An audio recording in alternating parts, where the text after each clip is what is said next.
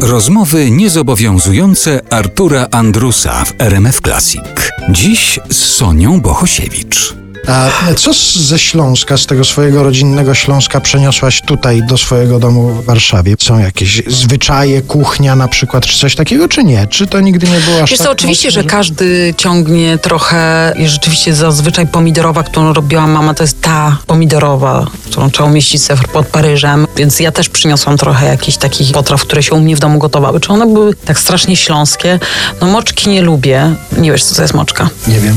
Moczka to jest coś takiego jak kutia, a gdzie indziej kluski z makiem, czyli to jest deser, który się je w Wigilię. I ta moczka to jest taki specjalny piernik, który się moczy w mleku, więc on dostaje taki glu, glu, glu, taki jakby. Do tego się wrzuca bakalie, do tego się wrzuca suszone owoce, knyfel muszkatowy i to mieszasz, mieszasz, mieszasz i to jest taka breja, taka breja z tymi bakaliami. To wygląda, nie będę ci gadała jak co, wszyscy wiedzą jak to co wygląda. Można to jeść na zimno i to się trzyma w tym gorczku na balkonie, albo se to podgrzewasz i na ciepło. W każdej wersji ja tego nie dotknę. To dobrze, że powiedziałeś, jak to się robi.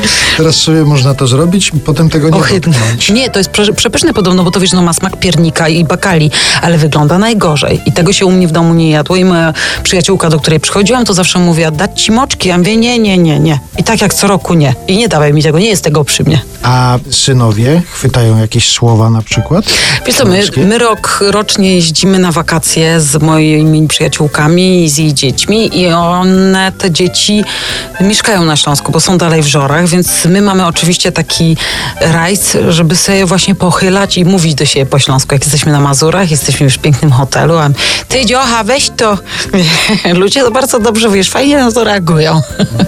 No i moi synowie też zaczynają podłapywać. A sprawa tych ormiańskich korzeni, czy to jest tylko traktowane jako ciekawostka, historia, którą zna rodzina, czy w jakiś sposób próbujesz jeszcze czegoś dociekać, dowiedzieć się? Słuchaj, to jest już dość dobrze spenetrowane przez moją rodzinę, w sensie przez rodzinę Bohosiewiczów jest taki mój wuj, Andrzej Bohosiewicz, który mieszka w Krakowie on bardzo dużo szuka i tam jest już wszystko poruszone, to drzewo jest zbudowane, wszyscy Bohosiewicze są wypisani, mamy 172 osoby teraz Bohosiewiczów w Polsce. Jesteśmy mniejszością narodową, mamy Macieja Bohosiewicza, który jest przedstawicielem mniejszości narodowych przed rządem polskim, więc wiesz, no jakby jest to kultywowane, oni do Wydmiera na jakiś czas wysyłają jakieś maile, chodźcie, teraz robimy wyjazd do Kut, albo do Lwowa, albo do Kamieńca Podolskiego, tam były majątki, które wcześniej mieli. Zdarzyła mi się taka ciekawa historia, słuchaj, teraz. Dwa dni temu zadzwonił do mnie TVN National Geographic i zaproponowali mi wzięcie udziału, poszukajmy swoich korzeni.